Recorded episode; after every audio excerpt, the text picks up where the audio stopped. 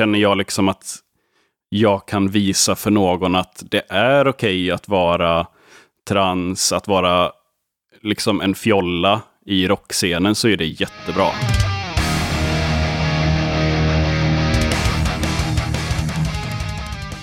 Då har det gått en vecka igen och vi är framme vid min favoritdag, torsdagen. Idag gästas vi av en extremt spännande person. Simona Olsson som sjunger och spelar gitarr i det eh, fantastiska bandet Vokonis. Det är ett band som i mitt tycke i alla fall ständigt utvecklas och alltid är intressanta att lyssna på och att se på live. Eh, ibland är det otroligt skönt att intervjua folk som inte är dagsaktuella med ett album eller så, utan bara lite så här mittemellan. Men eh, Simona och Vokonis har ju hållit sig aktuella ändå på sista tiden. Ni som har hängt med vet eh, kanske vad jag pratar om och ni som inte har hängt med får lyssna på avsnittet. Vill du stödja Rockpoddens arbete och framtid så gör du det enklast och bäst på patreon.com rockpodden. Det är alltså patreon.com. Där kan du för två dollar i månaden eller mer bli en av dem som kan slå sig på bröstet och somna gott varenda natt i vetskap om att ni gör den här podden möjlig. Känner du inte för det så finns det också möjlighet att skänka ett engångsbidrag via Swish till 070-77 38 200. Nu rullar vi igång. Du lyssnar på Rockpodden. Simona Olsson är veckans gäst. Jag heter Henke Brandryd och jag önskar dig en god lyssning. Då säger jag bara som jag brukar. Varmt välkommen till Rockpodden Simona Olsson. Tack så hemskt mycket. Hur är läget med dig? Det är bra. Det är riktigt bra. Eh, jag sitter här i eh, Ulricehamn i en studio som heter Soundport. Och jag hoppas att det blir riktigt eh, krispt nu i denna inspelning. Ja, ja det, det här är ju, det är ju annars, annars är det sjukt dålig reklam för Soundport. Precis. De var faktiskt roliga. Jag, jag mejlade med någon av de killarna igår tror jag. Eh, för jag sa i mitt sista avsnitt innan jul här att jag tycker det är så roligt att komma ut i studios och hälsa på. Mm. Och då skickade de, en, eller Micke, en jättetrevlig inbjudan till Soundport. Ja. Men just nu har jag inget jag är ju sällan ute på vägarna nu för tiden som alla andra. Ja, men det förstår jag. Ingen, det... Jag har inget ärende via Ulricehamn. nej, nej, jag förstår det. Men det, ja, det är sjukt tråkigt. Uh, det, ja. det, är lite kul för mig också att komma hit igen. Vi var ju här och spelade in uh, vår senaste skiva här. Så att det, är, mm. det är väldigt kul att komma tillbaks. Jag förstår jag. Och den låter ju fantastiskt. Ja, tack så hemskt mycket. Det är ju... Ja. Jag är skitnöjd med den. Alltså, vi, vi pratade lite om det här, jag och Micke, innan. Att båda två känner liksom att fan, vi fick till vad vi ville med den. Liksom. Ja. Det känns inte överarbetat, men det är ändå mycket lullull på den. Nej, och jag, jag såg ju när jag messade dig nu, senaste gången jag messade dig, det var det ju, jag skrev bara rent spontant, fan vilken bra låt ni släppte. Det var första singeln tror jag. ja, det kan det ha varit, ja. ja, jag tyckte den var helt magisk. ja, tack så hemskt mycket.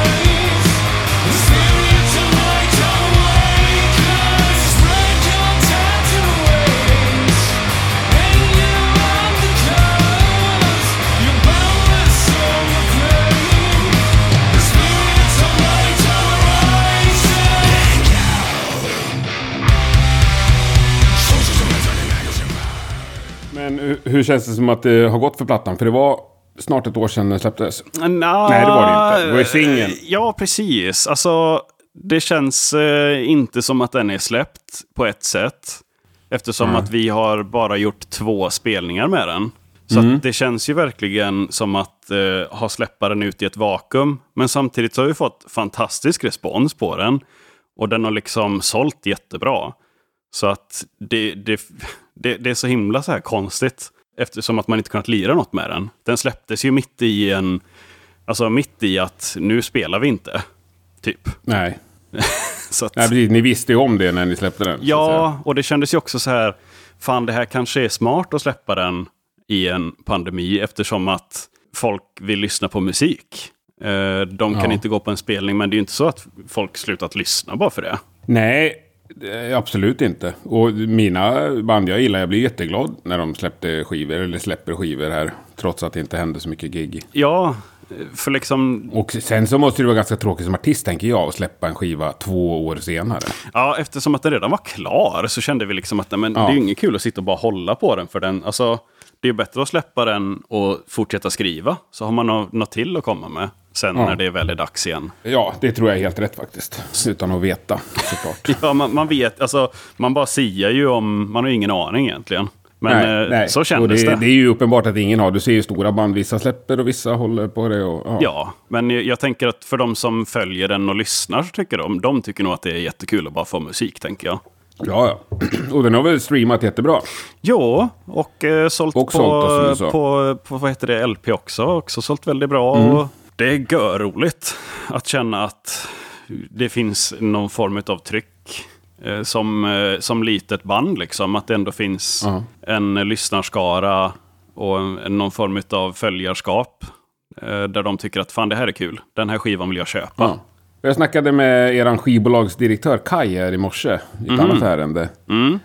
Och han sa att ni streamar ju absolut mest i USA. Ja, men det, det stämmer. Det Ja. är väldigt mycket USA och jag tror Tyskland. Där streamas det på som bara den. Det är ju kul eh, att kunna se att, att det går även det. Alltså på, på den, eh, vad ska man säga, den plattformen. Som ändå är ökänd eh, för att vara svår, känns det som.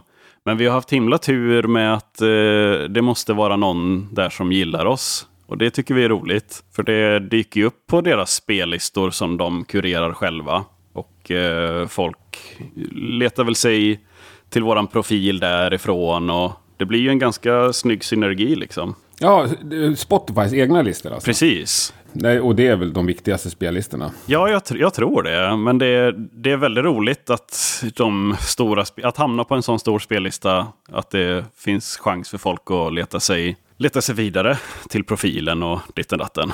Men i USA, har ni någonsin varit där och lirat? Nej, vi har inte det. Vi skulle vara där och lira en gång för massa år sedan. Eh, tyvärr så led jag av grov panikångest. Så att vi fick ställa in det. Ja. Det, det är skittråkigt. Men eh, vi tänkte alltid att då var det inte värt det. Och liksom pina sig igenom det för att ha gjort en spelning och sen flyga hem igen. Nej. Jag förstår. Så att, Eh, eh, nej, man lär ju ha hälsan i behåll. Ja, alltså den är ju ganska viktig. Eh, Mm. Så kände vi då. Och, eh, men nu mår ju jag bättre. Och jag har ju liksom spenderat ett par år i alltså, terapi och sådär. Så att det, den situationen är ju under, under kontroll. Så hade samma fråga kommit upp idag så hade vi nog gjort det och grejat det med, med bravur. Det tror jag. Men det ska väl komma upp fler förfrågningar va? Ja, men det, det hoppas vi och tror på.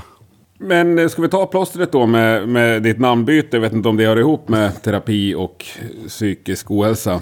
För att sist vi mässade, då hette ju du Simon Olsson. Ja, det är mitt eh, så kallade dead name då. Jag, är, jag heter ju Simona idag, som lever som, som öppen transkvinna. Eh. Ja. det, är, ja, det är väldigt skönt att bara komma ut, liksom, ur garderoben. Väldigt skönt. Vill du berätta hur det gick till, liksom själva utkommandet?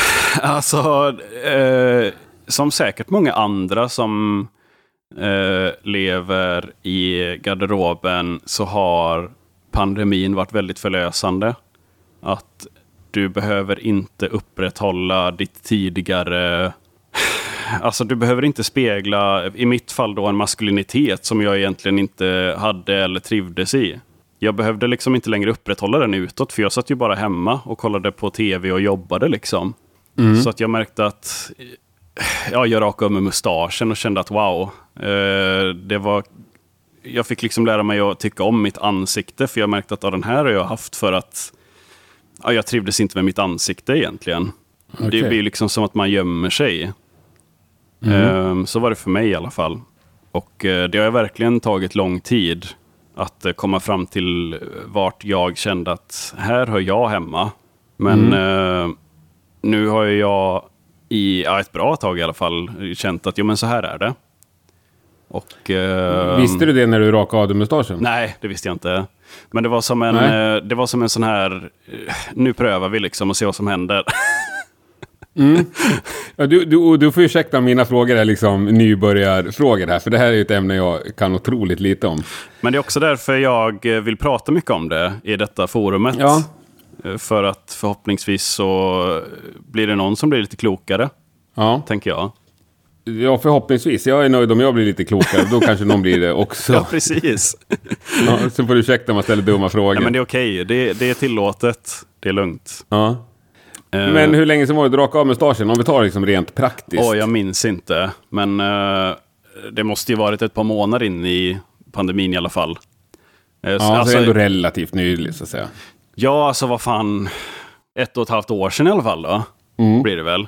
Kommer jag på det. Att nu prövar vi liksom. Uh, men det är ändå någonting som har känts i hela mitt liv. Att ja, men det är någonting. Fast jag blundar för det. Eftersom att det är, det är ju svår väg att vandra. Uh, att komma ja. ut. Men till slut så kändes det som att nej. Det är det här. Och då måste jag följa det liksom. När kände du det för dig själv så att säga? När, när, när visste du? Det är så himla svårt att sätta fingret på, faktiskt. Mm. Men någonstans under pandemin så bara var det som att en switch bara tändes på. Att jo men så här är det liksom. Ju mer jag, och det, det hänger ihop med att under pandemin, eh, nästan det enda jag konsumerade i form av media har ju varit liksom hbtq-media. Jag har ju liksom inte okay. kollat på någon så här supermacho dunderfilm, liksom, utan jag har bara kollat på kollat på massa drag race och liksom dokumentärer. Och, så att jag liksom börjat ta in den formen av kultur och märkt att jo, men här, eh, här trivs jag liksom, i detta forumet, i mm. detta spacet. Och någonstans där, när jag lärde mig själv också, vad är det att vara trans? Vad är det att vara... Eh, vad är det egentligen att vara bög, liksom, eller ditten datten? Mm. Någonstans där, när jag kom på vad det är, så kunde jag liksom eh, omvända det i vad betyder det för mig? Och vem är jag? Mm. Lite så. Det har varit väldigt så här kontinuerligt under pandemin. Och jag helt, för, som svar på din fråga, någon gång under pandemin kom jag på det. Ja, men sen därifrån steget att liksom gå ut offentligt med, tänker jag, är enormt stort. Ja, det är läskigt. Ja, och framförallt du som liksom var... lite offentlig person och jättemånga känner igen dig från Bokonis och liksom som frontman med, med, med truckdriver-mustasch. Ja, precis. alltså, det är ju väldigt sådär, om man bara ser mig utifrån kanske jag verkade väldigt så här, wow vad hård. Liksom. Men mm. jag är så långt ifrån det som man bara kan komma. Har alltid varit liksom. Mm. Um, så att jag, jag, tror verkligen att det kan ha varit någon form av fasad jag höll för mig själv, likväl som för någon annan. Mm. Med en mustasch liksom och sådär. Uh, det blir ju väldigt så här, nu attackerar jag mustaschen. Jag, jag har inget emot mustascher. Jag älskar mustascher, men inte på mig själv. ah, okay. men, men klivet, eh, att göra det liksom som, som du säger offentligt var ju ganska läskigt. Men samtidigt så kände jag, är det någon som kommer att gå emot mig nu? Eh, det förändrar inte vem jag är eller hur jag känner. Nej det gör ingenting inför vart jag är i mig som person. Eller vad mina närmsta vänner tycker om mig. Det är ju det som spelar roll. Mm. Och känner jag liksom att jag kan visa för någon att det är okej okay att vara trans, att vara liksom en fjolla i rockscenen så är det jättebra. Jättebra. Liksom, om inte annat bara uppfriskande och röra om lite, känner jag då som utomstående? Ja, lite så känner jag. För jag känner att det är så mycket... Alltså det är så mycket maskulint och jag känner att jag pallar inte. Rent utav. Det är inte jag. Men vad, vad fick enkelt. du för reaktioner då? Ja, det har varit lite, det har inte varit några dåliga reaktioner alls, utan det har varit antingen liksom bra eller inga. Så att det tänker jag ju är positivt. Ja, för, för, om jag skulle liksom lekman analysera, om jag bara kollar liksom din Facebook och sådär.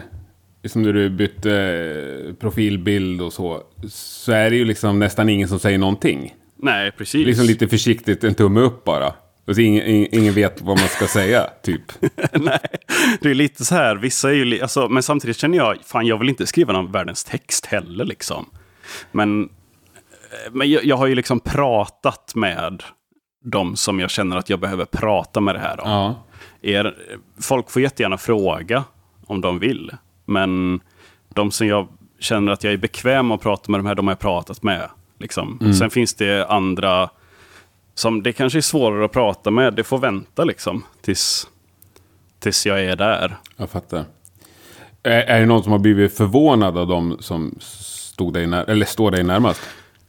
Jag tror att, ja, eh, alla har ju varit liksom eh, stöttande som jag har kommit ut till. Många har varit liksom så här, du vet, nästan lite ursäktande. Ja, men, ja, men du vet, så kan man, det, det är okej att vara så. Tack. Vad skönt. och jag bara, jo, jag vet. Det är därför jag säger det till dig. Ja. Liksom som att de, de vill verkligen få en att förstå att ja, men jag tycker inte det här är konstigt. Nej, nej. ja, ja, det blir... Så att det har varit mycket, det har varit lite sånt, men det har mest varit så här, okej, vill du berätta om det liksom? Och, jo, men det kan jag göra. Och så har jag liksom fått berätta lite hur jag, vem jag, alltså hur jag har känt och Ja. sådär. Men liksom, eh, har, har du förändrat ditt liv på något annat sätt liksom? Alltså, det vet jag inte. Jag är fortfarande den jag är. Ja. Eh, Det är bara det att jag kan känna att jag kan leva ut vem jag är. Eh, Så jag vet inte om jag har... Alltså inte mer än att jag tar hormoner. så har jag inte förändrat mitt liv nämnvärt och har andra kläder. Eh, Jag liksom pratar fortfarande med samma vänner och spelar fortfarande min musik. Ja. Så att jag, jag, jag tror inte att mitt liv i övrigt har förändrats mer än att jag känner mig mer som en... Jag känner mig mer harmonisk nu än innan. Skönt att höra. Men tror du att musiken kommer förändras på sikt? Nej. Alltså den, den, den kommer förändras i den mån den hade förändrats oavsett. eh, Alltså oavsett. Ja, Den har ju alltid förändrats för oss. sant. Men jag menar, om du till exempel fortsätter äta hormoner, då kommer väl din röst förändras? Nej. Kommer den inte? Nej. Ja. Eh, min eh, röst är färdigutvecklad. Okej. Ehm, det är ju ett, eh, ett minus från att transitionera senare i livet som att gå från man till att bli en kvinna. Liksom. Okej, jag är fattar. att min, min röst är som den är. Ehm, och sen så hade jag väl ansett att även om min röst hade förändrats så hade ju inte det kanske påverkat musiken ifrån mitt håll. Liksom. Nej. Ehm, sen finns det ju, man kan ju gå till en logoped och det finns operationer att göra för att eh, liksom ljusa på rösten och så. Men vi får se, jag gillar min röst. Jag tycker den är ganska trevlig. Alltså både i samtal och i musik. Så vi får se vad som händer. Ja. Ja, ja, såklart. Ja, vad spännande. Så verkligen. Ja, eller hur? Men finns det någon liksom rörelse, vad kallar den, liksom någon slags hbtq-community i musiken som har liksom approachat dig på något sätt? Nej, alltså den är så himla liten. Ehm, de som vet, de vet liksom. Ehm, det är väldigt... Det är en, eh, du får tänka att rockscenen i Sverige är ganska snäv kontra till hur många personer det finns i Sverige. Ja. Det blir liksom ännu snävare med hbtq-rockpersoner. ja. Ehm, Men jag tänker att det borde ändå finnas ett gäng. Jo, det är klart att det gör. Och, men det är också lite därför jag tänker att fan, det är kul att vara, vara här. Eftersom att nu kanske det öppnar upp lite mer inför någon annan, förhoppningsvis. Att någon annan känner att ja, men det här är okej, liksom. det här är bra. Ja, jag tycker att det är något av det modigaste jag har sett liksom någon, någon har gjort. I min liksom, Okej, stora ja. bekantskapskrets eh, senaste Ja. tio åren. Ja, men det är ju det är väldigt Ja. eh, kul att höra. Eh, för det... Men i grund och botten så handlar det om att fan, jag ska ju greja och leva med. Jag kan inte leva i en, eh, en lögn liksom. Nej. om att jag är någon jag inte är. Och, och det som du säger, det tar väldigt mycket mod av en person att göra det. Och samtidigt så här, fan du vet, jag, är, jag fyller snart 30. Alltså jag har liksom gjort ganska många år på planeten mm. och känner att om jag fortfarande känner så här, då är det ju så här liksom. Det är ju inte så att jag går igenom någon fas. Nej, det får man hoppas tänkte jag säga. Men det, ja. Nej, men liksom, jag vet ju vem jag är och det är därför det är så skönt att känna att jo, men så här är det. Ja, ja, eh, ja grymt cool. Men eh, har du hunnit med någon spelning? Har, har Simona gjort någon spelning? Simona har gjort två spelningar. Okay. Eh, I Stockholm och i Motala. Ja, på Truckfighters-festen. Precis. Mm. Där gjorde vi eh, vår första spelning i, i pandemin. Och eh, då, vid det laget så var jag redan ute. Så det var skönt. Men det, det, liksom, det känns inte så annorlunda mer än att ah, jag kan slappna av lite mer. Liksom, mm. Än vad jag hade gjort. Även om jag är vanligtvis ganska avslappnad vid, vid spelning. Så det blir ändå sådär, ah, jag behöver inte tänka på Alltså det är ju som något slags orosnystan som har lösts upp i och med detta. Så att det, hela jag är ju mer harmonisk i, mm. i mig själv. Och det, det är jag helt säker på, tänkte säga, att, att det är sant. Men, men eh, de runt omkring dig, jag tänker att folk kan bli lite osäkra. Man vet inte vad man ska säga och hur man ska agera. ja, speciellt när man börjar träffa folk liksom på ja. en spelning och de har lite alkohol i sig och du vet, det är... ja. Jag skulle inte säga att jag har varit med om något dåligt däremot, när vi, när vi varit ute och spelat. Men eh, det är klart att folk eh, har kanske ställt lite frågor och undrat saker och liksom ditten datten. Mm. Men eh, då, då har jag bara fått säga liksom att eh, det här vill inte jag prata om med dig. Och hoppas att du respekterar det. Ja, om de är packade och kommer med liksom... Med världens dunderfråga liksom. Ja. Och då känner jag, nah, det här, det här behöver inte du och jag ta. Nej, och det törs du säga som svar så att säga. Absolut. Ja. Det är ju inte alla som gör det kanske, men, jag har liksom, men det är också kanske att ja, man är lite defensiv också. Ja. Men det är för att man förbereder sig på att det kanske kommer något. Ja. Det är faktiskt en grej jag tänkte på igår. Jag har träffat mm. Tåström en gång i mitt liv. Och det var i någon, bar, eh, i någon bardisk efter något releaseparty. Och alla var ganska onyktra. Och så kom det fram någon och ställde någon ganska jobbig här, fråga. Då oh. tittade Tåström upp så sa han bara kan inte du låta mig slippa svara på det här just nu? Jag tyckte det var så jävla bra svar. Det liksom lägger tillbaka ju... lite ansvaret. För då behöver man, ja, jag tyckte det var skitbra svar. Extremt bra svarat. Ja, man, jag tror att även om man är packad då så förstår man. Bara, Oj, ja, men det har du rätt i liksom. Vi tar en öl bara. Precis, vi tar en öl och så får det här vara. ja, ska jag höra av mig på tisdag förmiddag om jag fortfarande undrar. Om jag fortfarande... Ja, precis. Mm. Nej, men gud, alltså det, och det är ju en, eh, en av våra bästa artister också med en, en fantastisk inställning till eh, sitt kändisskap, anser jag i alla fall. Ja, han skulle gärna få ställa upp i Rockpodden tycker jag då. Det är ju för, ja, jo, det är för snål för. Frågan är, eh, hur hade det gått tror du? Han känns som att han är så väldigt eh, gardad. Jag är helt övertygad om att det skulle gå bra om man fick komma hem till honom och sätta en fåtölj och snacka ett par timmar. Så tror ja. jag att det skulle... Då tror jag att han är hur trevlig som helst liksom. Och vettig. Ja, alltså han känns ju svår att komma in på livet alltså. Jo, men han skulle nog kunna prata ändå om vad han tycker och tänker kring musik och lite ja. om livet. Då. Ja, jag, jag, vet inte, jag, jag är inget Tåström-fan så. Liksom. Jag tycker att han är fascinerande som person och artist. Ja, alltså jag tycker ju, jag, jag älskar ju eh, Ebba, Imperiet och ett gäng av hans soloskivor med liksom. Mm.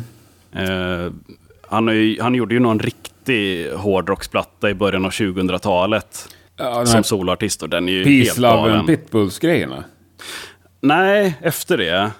Eh, Mannen som blev en gris heter den väl. Okay, ja, eh, görhäftig skiva. Ja. Supersmutsig. Rekommenderar alla som gillar Tåström att lyssna på den. Alltså. Ja. Men du gillar även Ebba alltså? Sådana där grejer. Ja, men det gör jag. Jag gillar, ja, men jag gillar så himla mycket och bred musik. Ja. Älskar Ebba. Imperiet går lite hårdare för mig, med lite syntar och sådär. Fattar. Men du är ju ändå liksom minst en generation under mig. Vad var din liksom eh, inkörsport till hårdare musik? Oj, vad fan var det? Um, ja, alltså när jag började lyssna på musik så började jag lyssna på Ramones. Mm. Och eh, där var det väl, jag höll mig ju ganska mycket i eh, lite tralligare, snällare musik fram till mina sina tonår. Då blev jag ganska svårmogen och började lyssna mera på grunge. Och eh, mycket, mycket Smashing Pumpkins, mycket Pixies. Mycket eh, tonårsrebellisk musik. Jag tror någon gång efter där, då blev det väl tyngre på riktigt med band som Opet och Mastodon. Go Gojira och sådant. Jag tror att någon gång i mina tidigare 20-tal, då började det nog bli lite tyngre. Helt enkelt. N när började du lira musik då? Jag började spela gitarr, eh, kanske jag var runt 16, började jag spela gitarr. Eh, för jag, jag, jag hade börjat spela Guitar Hero och tyckte att ja, men fan, det här borde jag ju kunna greja. Underbart att höra att det funkar. För vet, jag tänkte på när Guitar Hero kom, nu måste alla kids börja spela gitarr. Men det blev inte riktigt så ju. Nej, men åtminstone en nu då. Ja, underbart. För det var liksom så här, jag hade ju inget intresse för det alls. Men Nej. jag hade ju stort intresse för tv-spel. Ja. Och så började jag ju det- med det liksom och du vet, åh, det, det här var ju häftigt. Jag ville ju spela alla solon och märkte att oj shit, det här var ju en helt annan grej. Men det var ju så roligt så jag fortsatte ju. Eh, så någonstans där liksom märkte jag att ja, men det här med musik, det är kul. Jag vill försöka med det och hålla på med det. Eh, men det tog ju bra många år innan det kändes som att jag kan skriva låtar. Liksom och, men jag har ändå spelat sedan jag var 16 i alla fall. Och nu är jag ju 29. Men det har hållit på ett par år. Eh, Men gjorde du något liksom vettigt så att säga innan Vokonis? Som blev bra, som går att lyssna på? Nej, det kan jag inte påstå. Eh, det är, Vokonis är mitt första band så sett. Eh, och grundades ju i någon form av sabbatsdyrkan mellan mig och, och två andra. Eh, eftersom att det var ju det som var, väl, det var väldigt på tapeten och inne. Och jag är väldigt tacksam för det. Eftersom att det är ganska så tacksamt att eh, försöka lira tillsammans. Om man är eh, ett gäng som, eh, som bara vill spela liksom. Ja, ja det är ganska Gitarr, enkelt, att gitarrbaserad musik. ganska enkelt att komma igång och få det att låta något sånär. Liksom. Jo men precis. Även om det är jävligt och, svårt ha kul med det Ja, liksom. Och det var ju egentligen det som första, vår första skiva var. Det var ju verkligen så här, fan nu, nu, nu ser vi vad som händer om vi spelar ihop ett par månader. Mm. så det var ju egentligen lite så här på, eh, lite tur att det hände något med det där, med det där liksom. Men hur snabbt... Men folk gillar ju fortfarande den skivan. Ja, ja. Eh, Men hur snabbt kände du att det här liksom är någonting jag vill pyssla med på seriös nivå? Ja, men det var nog där någon gång med den skivan, liksom, att jag kände att wow, det går att släppa en skiva. Det här är helt galet. Eh, och kände att eh, ja, men vi måste ju fortsätta med det här och se vad vi tar vägen. Eh, men, men ganska direkt efter så kände jag ju att ah, min, vad jag vill spela, det är ju inte alls det här. Nej. Eftersom att jag har så himla eh, bred vad jag, vad jag lyssnade på när jag var liten och senare och, och ännu värre nu liksom. Men jag kände ju ganska snabbt att fan, jag vill ju hålla på med något annat. Men jag vill ju inte för den sakens skull bryta upp ett band eller hitta andra att spela med, för jag älskar de här personerna. Så det blir ju mer att vi utforskade vad kan vi göra med influenser och ditten datten. Och jag tror att det är det som leder den här, vi försöker ju inte upprepa oss någon gång och vi försöker ju att se vart vi kan ta det och vad som känns kul hela tiden. Men eh, de personerna som är från början, de är inte kvar någon va? Jo, Jonte är kvar. Nej, jag var jag inte med från början? Ja, det var han. Ser. Min ständiga vapendragare. Ja, usel research. Eh, ja, han är grym. Han sjunger ju också lite mer nu va? Ja, alltså nu sjunger ju han, eh, förhoppningsvis så sjunger han snart mer än mig. Ja. Han är mycket bättre på att sjunga än mig. Ja, jag älskar hans growl framförallt. Ja, han har ju det här riktiga jag hade, vi, vi upptäckte ju att han hade ett growl eh, när vi skulle spela in vår tredje skiva, Grasping Time. Ja, det är så pass sent alltså? Ja, Ja. Då, då upptäckte han att han hade ett growl. Fan vad eh, coolt. som var väldigt så här, det, det är så himla eh, tidigt eh, och kråkigt liksom. Mm. Det är väldigt mycket, eh, vad heter han? Om, jag, om jag får liksom, min största liknelse är ju eh, Holmes i Bloodbath. Ja. Det är ju min, en, det är ju inte det här superdjupa polerade, utan det är ju mera det här eh, vä, alltså väsiga, lite kråkiga. Liksom, ja, men ändå inte säger. liksom black metal-kråk. Nej, precis. Nej. Så att det, det är superhäftigt. Mm. Det är kul att kunna ha lite olika röster i ett band, har jag känt också. Jag kommer ju ifrån att jag lyssnar mycket på exempelvis Mastodon och de har ju många grejer som händer vad gäller sång. Mm. Eh, och det har ju, det, de har ju alltid varit en stor förebild för mig musikmässigt. Men vi måste ta det där med medlemmar bara. För trummis har ni precis gjort det av med. Precis, vi bröt upp Ja, väldigt nyligen. yes. Men på ganska goda termer eller? På... Absolut. Ja.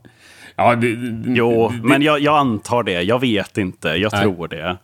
Det skrevs ju lite i social media om orsaker till det där. Och det får väl folk läsa Precis. sig Jag fram har, till. jag, har inget, jag har inget ont mot personen Peter i alla fall. Nej. Jag tror inte han har något ont mot mig heller.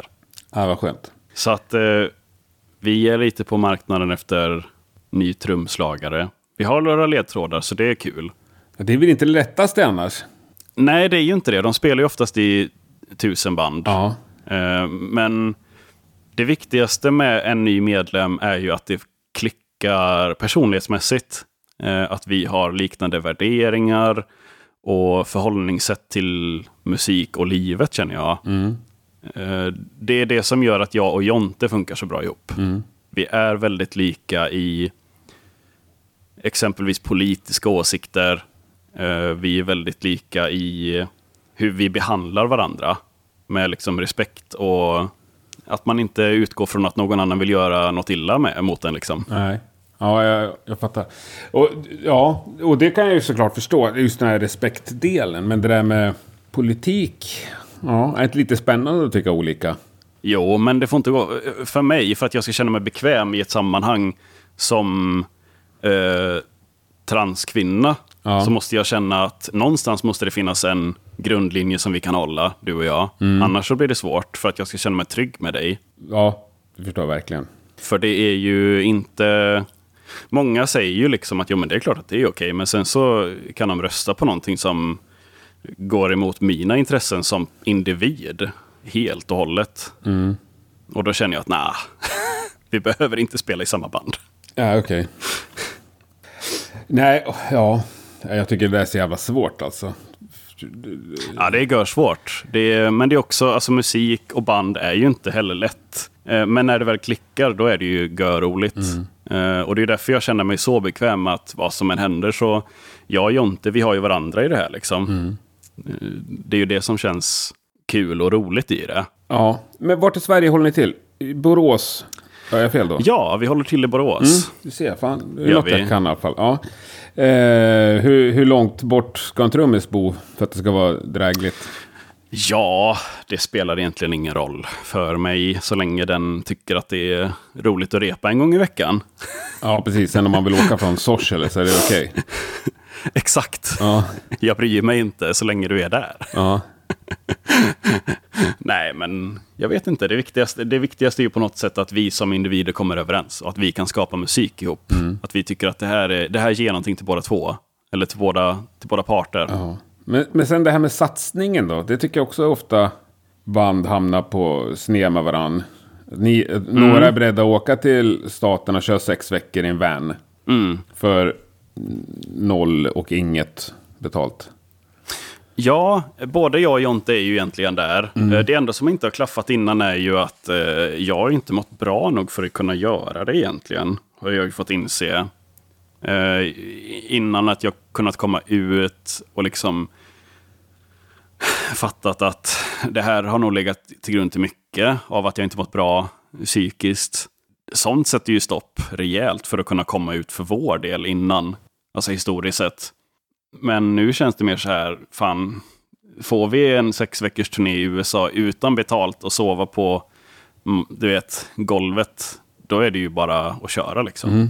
Men är inte det också ganska, eller, ganska eller jävligt svårt om man nu tänker att man ska skaffa en ny trummis? Vad har vi tänkt att du skulle börja med hänga med oss och jobba gratis dygnet runt i sex veckor? Men det är ju det, då måste ju den personen också ha den inställningen att det är ju kul att göra det. Liksom. Ja, och det, det tänker jag att många musiker tycker. Men just så här med band så då krävs det väl kanske lite att man har det här personliga engagemanget i bandet. Om man är beredd att göra Jo. vad som helst för sitt band. Precis. Men som ny medlem så kanske det tar ett tag innan man kommer dit eller? Det kan det absolut göra. Och det, det är ju okej. Det är ju inte... eh, Det kan man ju inte begära utan någon ny. Att du ska brinna för det här lika mycket som jag gör. Nej. Men samtidigt så vill ju jag också, eh, det är ju det viktigaste också med att ta in en ny person i ett sammanhang, att få den personen att känna sig bekväm så fort som möjligt. Och känna liksom att här är du fullgod medlem. Liksom. Du har inte hållit på i det här sammanhanget lika mycket som jag och Jonte har, men det betyder ingenting. Nej. Eh, det betyder inte att din röst inte är lika mycket värd som våra är. Vi har ju ändå litat på dig och tagit in dig i bandet. Ja. Men hur gör ni rent praktiskt för att få tag i en ny trummis? kontakter är ju allt alltså. Eh, Det är ett gäng som har liksom hört av sig och sagt att jo men här finns det en person, du kanske borde ringa den personen. Och så gör man det och så ser man lite vad som, vad som väntar på andra sidan samtalet. Kommer ni köra några auditions sen eller? Nja, det känns ju drygt att säga auditions. Men att man provspelar lite ihop, det hör ju till. Ja. Se så att det klickar liksom. Vad är, vad är skillnaden på en provspelning och en audition? Jag vet inte, det låter bara grovt. Ja. Men audition. Ja, jag och- vet. Eller jag vet inte. Låt som ni sitter och tittar på bara. Precis. Bakom ett bord. Nej, men liksom, för mig känns det så här, du behöver inte kunna sätta varje slag så länge som vi känner att vi kommer överens personlighetsmässigt. För det går att öva på en låt. Det är svårare att öva på en personkemi. Det är mycket det som, hänger, som väger in för min del. Ja. I att vi, ska prov, att vi ska pröva att spela tillsammans. Och, om man hör det här och känner att fan, jag skulle ju vilja sätta mig bakom trummorna i Vokonis. Hur gör jag då? Eh, ja, det är bara att höra av sig på eh, sociala medier eller ja, eh, Vilken, Ringa. vilken låt ska jag kolla in till provspelningen? Du ska kolla in eh, Through the Depths. Ska du kolla in Ja. till provspelningen. Perfekt. Sista låten på senaste plattan. Precis. Ja. Du behöver inte greja jammet på åtta minuter. Nej, vad skönt. Men det är bra ändå. Kanske lite grovt. Jag skulle vilja spela Grasping Time man kunde trumma. Jag hade ju den, hela min förra telefon, hur länge har man en telefon? Ja. Ett par år. Då hade jag ju den som ringsignal. Säger du det? Ja, Vad låten roligt. Grasping Time. Jag tycker det var så, den började med trummorna där och sen så... Ja, Det är lite ring, den stack ut bra när man har den i fickan sådär.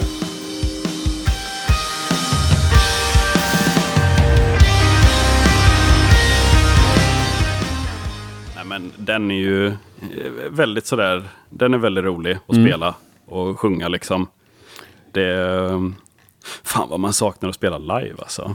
Men den, den går alltid hårt live alltså. Ja, och det är väl liksom, kollar man streams så är väl det eran överlägset största hit. Ja men det tror jag, det skulle jag säga. Absolut. Jag kan kolla här åt dig. Ja, den är ju mer än dubbelt så stor som näst. kolla. Då, då kan man få öva in den med Ja. om man vill. Ja, vad härligt. eh, men hur, hur, mycket, hur mycket är ni vana med att spela live? Alltså, du? vi tar det vi får, känner jag. Liksom. Vi har precis börjat med en ny bokare. Mhm. Ehm, så vi hoppas kunna komma ut lite mer än vad vi gjorde innan. Men innan pandemin, då kunde vi ju spela... Alltså det varierar ju på säsonger och sådär, men ett par gånger i månaden var ju inte ovanligt i alla fall. Nej. skulle jag väl ändå säga. Och eh, vårt främsta mål är ju att komma utomlands egentligen. Hur roligt det än är att spela i Sverige liksom. För att, och man vill ju jättegärna sprida det här, för vi vet ju samtidigt att ja, vi har en publik i Tyskland. Eh, vi har en publik i USA och i England. Eh, och liksom vi spelade på eh, Desert Fest 2019 tror jag det var, i London. Och det var ju liksom hur lyckat som helst. Vi hade ju vi spelade jättetidigt på den scenen vi var, men det var ju ändå fullt ställ liksom. Man märkte att ah, men det här vill folk kolla på och lyssna på. Grymt. Ja, det var eh, grymt roligt. Hade ni några sådana här drömbokningar som blev som försvann i och med corona? Ja, lite så. Vi skulle öppna för lite häftiga band. Eh, och sen så försvann det ju ut ingenting med covid liksom. Så att, men det är lite sånt som är på gång nu igen, om allting lägger sig rätt liksom. Men det är ju det där med ovissheten. Vi har liksom den, det snacket med våran bokare.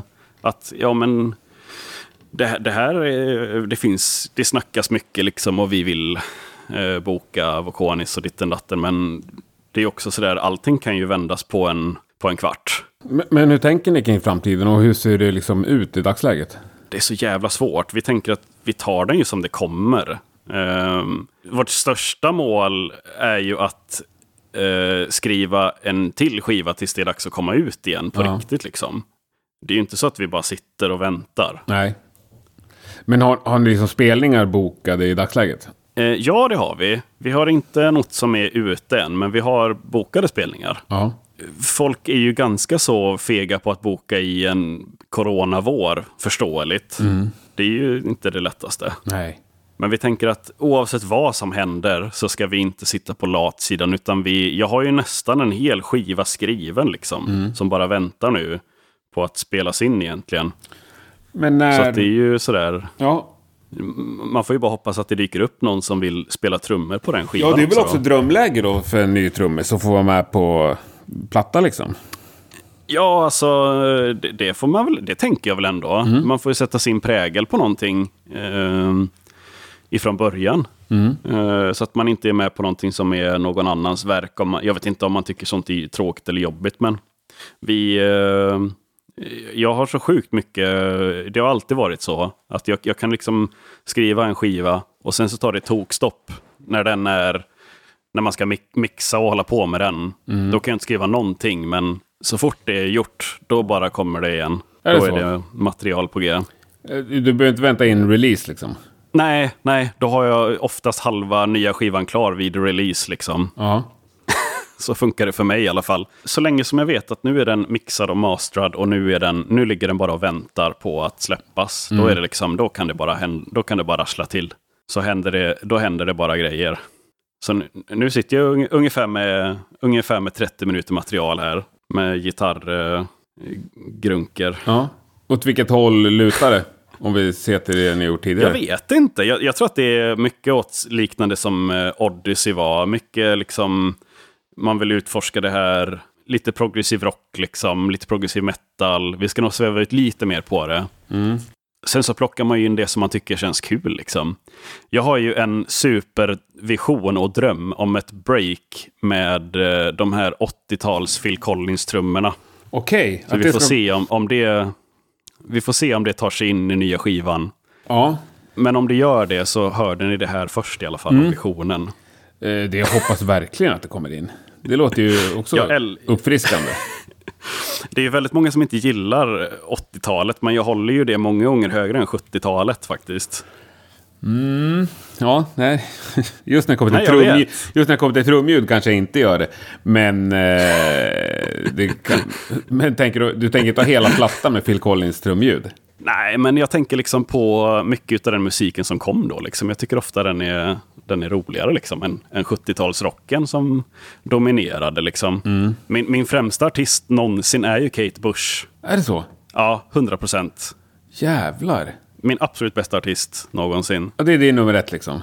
Absolut. Finns ingen jag håller högre än Kate Bush. Shit vad coolt. Hur länge har det alltid varit? har det alltid varit så? Nej, men kanske tre år sedan så jag började lyssna på Kate Bush och upptäckte att det här är världens bästa grej någonsin. Ja. Ja, det är väl härligt. Upptä- och- och upptäcka en gammal artist fast liksom senare i livet så att säga. Ja, men verkligen.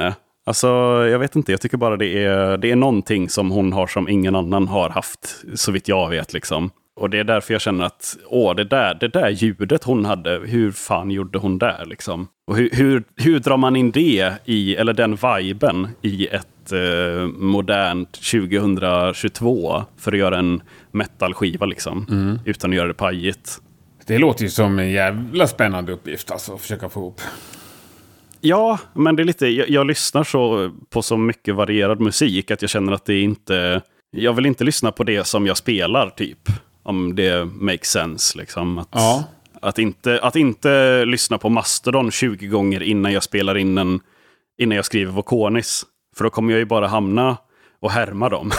Jag fattar. Vare sig jag vill eller inte. Nej, då är det roligare att lyssna på Kate Bush och se vart man landar. Eller hur? Ja. Se vad som händer. Men, men du har liksom inga, ingen dröm om att ha något sidoprojekt och gå full-blown 80-tal liksom? Absolut inte. Eh, däremot så tänker jag att om det händer, då händer det i Vokonis. Ah, okay. I vad, vad det än skulle vara liksom. Ja. Ja, jag har ju bestämt mig för att så länge som jag och Jonte håller ihop mm så är det ju, eh, och liksom vem som ändå kommer in efter Peter som trummis, att så länge som vi håller ihop och spelar musik så kan vad som helst hända så länge det känns kul. Fan vad kul, det låter ju som ett eh, underbart band att fortsätta följa helt enkelt. Ja, så jag känner att det, det, som, det som känns roligt att spela, det är det som kommer komma på skivan helt enkelt. Ja. Och denna gången lät det så här och den andra lät det så här. Och sen spelar ju inte vi världens mest experimentella musik för det, men... Nej, men ändå om man känner att... har en, en liksom tanke om att fortsätta experimentera så kan det väl landa vart som helst då nästan. Ja, men lite så. Och inställningen måste ju ändå vara mm. att man inte har uppnått det perfekta soundet. Annars är det ju lite så här ja, då måste man pumpa ut en skiva som lät som förra skivan. Ja, ja, ja. ja. Nej, det går. Det, nej, det, det är tråkigt. Det, nej, nej, det är bara inspirationsdöden för mig. Liksom. Nej, ni får väl köra tills Orange hör av sig och vill ha tillbaka sponspengarna. Som ni inte har några gitarrer kvar i bandet. Precis. det, det är ju bara för fan bara synt liksom. Ja. Men det går säkert att lira synt genom Orange-stackarna ja. ändå. Ja, ja. Det där blir ju, det blir ju nästa projekt att köra som Rush gjorde när de hade sina golvsyntar. Eh, ja. Liksom stå och spela synt på golvet med fötterna samtidigt som ja. man har instrumenten. Ja, absolut. Jag har ju sett någon basist som är duktig på det där också. Alltså, det är ju magiskt. Ja, ja. det är magiskt. Mm. Och nu eh, sista skivan, vi hade ju sån himla tur att få med oss Per Wiberg på den. Ja, just att, ja. Det, det, var ju liksom massa häftiga eh, grejer han kom med. Mm. Och när han liksom, vi sa så här att okej, okay, men den här grejen, vi lämnar det helt öppet för Per att göra vad han vill göra med. Ja. Jag vill att han lägger ett solo liksom. Ja. Och så skrev jag till honom liksom, tjena, hoppas att du hittar något roligt här liksom. Och så skrev han bara tillbaks, du, eh, ska jag inte dra igång mogen för det här? Och jag bara, ja, du ska dra igång Moog-synten. Ja, kör. och köra världens synt-solo. Vilket han gjorde och det, jag är supernöjd med det. Ja. Hur det blev. När vi spelade eh, i Stockholm för ett par år sedan så öppnade vi för eh, Elder. Ja. Ett av mina andra favoritband. Mm. Och jag är ju så extremt dålig på det här med att träffa människor. Jag blir ju starstruck direkt. Blir du? ja, extremt. Asså. Så först så skulle jag liksom träffa Elder som var mitt favoritband. Ja. och liksom, du vet, haspla mig fram på engelska. Ja. och sen så efter spelningen, då var han liksom bara så här, okej okay, nu har det gjort liksom. Nu kan man bara njuta av att kolla på Elder. Och så mm. sitter jag vid merchen och då kommer ju Per Wiberg fram till merchen. Ja. och du vet, jag tappar hakan. För jag har lyssnat på hans, alltså hans musik så länge. Ja. Alltså sen jag var tidigt, alltså sen jag började lyssna på Opet liksom. Ja.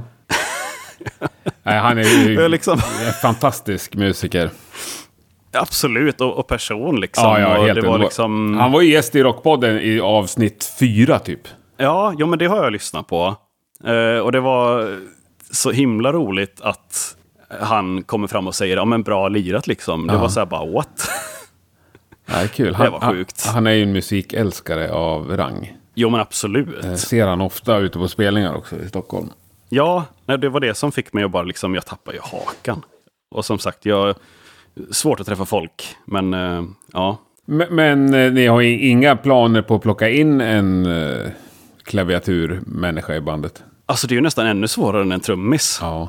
Det är nästan ännu svårare, men jag är så himla öppen för tanken. Någon som spelar klav och eh, kanske kan hantera en eh, gitarr också. Ja, just det. Eh, det hade varit jätteroligt. Så att, eh, alltså Per är ju väldigt välkommen om han vill ja, vara med i bandet. Apropå att vara med i många band. Precis, ja. apropå det. Och han, han också dessutom eftersom han lirar liksom alla instrument. Precis, Ja. så jag tänker att han, han- är välkommen Ja. om man vill. Ja, det var härligt. Uh, apropå det här med att, att vara starstruck, jag vet inte hur lång tid vi har... Nej, det, jag, har, jag har hela dagen på mig. Okej. Eh, apropå det här med att vara starstruck, Mm. så en gång för många år sedan, eh, jag tror att vi hade släppt vår första skiva, så hade vi en eh, spelning i Varberg, Mm. eh, som ju ändå är ganska nära Borås. Och vi åkte ner och vi liksom var där jättetidigt, alldeles för tidigt. Och vi liksom hade i princip bara satt av hela dagen. Mm. Och sen så satt vi liksom i logen och så fick vi höra att ah, men det verkar som att eh, det kommer komma en kändis ikväll. Och vi bara, va? I Varberg? Nej, det känns väl inte så himla troligt va? Men jo, mycket riktigt, efter spelningen så ser jag en enorm person ute, ute i publiken. Eh, och då var det Corpse Grinder som var där. Från stenhårt. Cannibal Corpse. Ja, ja, ja. Och jag liksom bara, det här är ju inte... jag- Jag har bild på det här, Mm. så att jag ljuger inte. jag sa det liksom till honom, kan jag få ta bild på det här så folk åtminstone kommer tro på mig? Ja. Vad gjorde han i Varberg? Kommer du ihåg det? eller? Nej, alltså, jag, jag, jo, vad fan var det? Han, nu ska vi se. King Diamond har en studio i Varberg. Han var där och gjorde någon sån här Nej. metal all-stars-grej. Jag tänkte liksom. säga det. Ja, det är ju King Diamonds gitarrist uh, Andy LaRock har ju studion där. Han bor ju där Ja, också. precis. Eh, Och då var det någon form av sån här metal all-star-grej som han var med på. Och eh, råkade vara på samma ställe som vi var den kvällen. Ja. Så att, han har ju sett oss lira med. Men jag tror inte han var så engagerad som Per var. Nej, nej, nej, men han har sett det i alla fall. Ja, det är Han har fantastiskt. sett oss i alla fall. Ja. Jo, men då så här Star Trek, och om du ändå kan ju prata med honom och få till en bild. Du- Det är ju inte så att du liksom svimmar. Nej, nej, så, så sett är det ju helt okej i alla fall. Och, och jag är också så, jag är ganska lång. Jag är 1,90 ungefär. Mm. Och jag kände mig ju så, så extremt liten när jag stod bredvid honom. Jaha. Ja, det var roligt faktiskt. Ja, jag förstår jag. Ja, nej, vi får väl se när Kate Bush dyker upp efter nästa gig. Hur du reagerar då. Du, eh, om- hon någonsin tar sig från sin, eh, sitt slott som håller på att falla från en klippa, Mm. så får vi väl se. Jag hörde att eh, Big Boy har lyckats få till någonting med henne i alla fall. Så vi, vi håller tummarna. Och nu Big Boy förlorar mig. Vart, vad är det? Outcast. Jaha, okej. Han är ju också ett enormt Kate Bush-fan. Okej. Så att eh, vi, det, det finns ju hopp om det liksom. Om att Kate kanske släpper någonting igen. Hon är ju extremt skygg av sig. Ja. Ja, om det är ett hopp. Det får man ju se. Vissa grejer kan man ju bara lämna som de är också. ja, så kanske det är. Ja. Men du, fan det låter som ni har skitmycket kul och spännande på gång i er framtid också. Och du i din. Jo, men det har vi. Jag personligen och med band och... Det, det händer grejer hela tiden. Ja. Men jag ser grymt mycket fram emot att se er live snart igen i alla fall. Sist jag gjorde det var ju fantastiskt bra. Vet Kan jag. det varit på Signfest eller? Det var det. Just det. Ute i ja. entrén där liksom. Det var svinbra. Just det. Ja, det var så jävla hårt var det. Helt perfekt. Helt perfekt eh, venue. Precis. Ja. Och jag myntade ett eh, fantastiskt uttryck som jag... Som eh, lyckades hålla, eh, vad heter det, komma in i en recension för kvällen. Vilket Eh, var... jag sa... Eh, fan vad jag sa? Jag sa nu, nu är det slut på actionrocken eller någonting. Nu dödar vi actionrocken. Jag tyckte att nu, nu har det varit för mycket actionrock den här kvällen. Ja. Men du, det kommer jag ihåg. Men du sa det ju, det var spetsigare än så va? Det kanske, jag kommer inte ihåg vad jag sa, men det, det dök in i en recension i alla fall. Mm. Vilket jag skrattar lite åt efterhand. Ja, vi får googla upp det där helt enkelt. Vi får nog göra det. Ja, äh, men eh, grymt Simona. Jävligt trevligt att snacka med dig. Ja, tack detsamma. Det var jätteroligt att, att, att få vara här. Så hoppas vi hörs och ses snart igen. Det gör vi alldeles säkert. Skitbra. Stort tack. Tack du. Tja.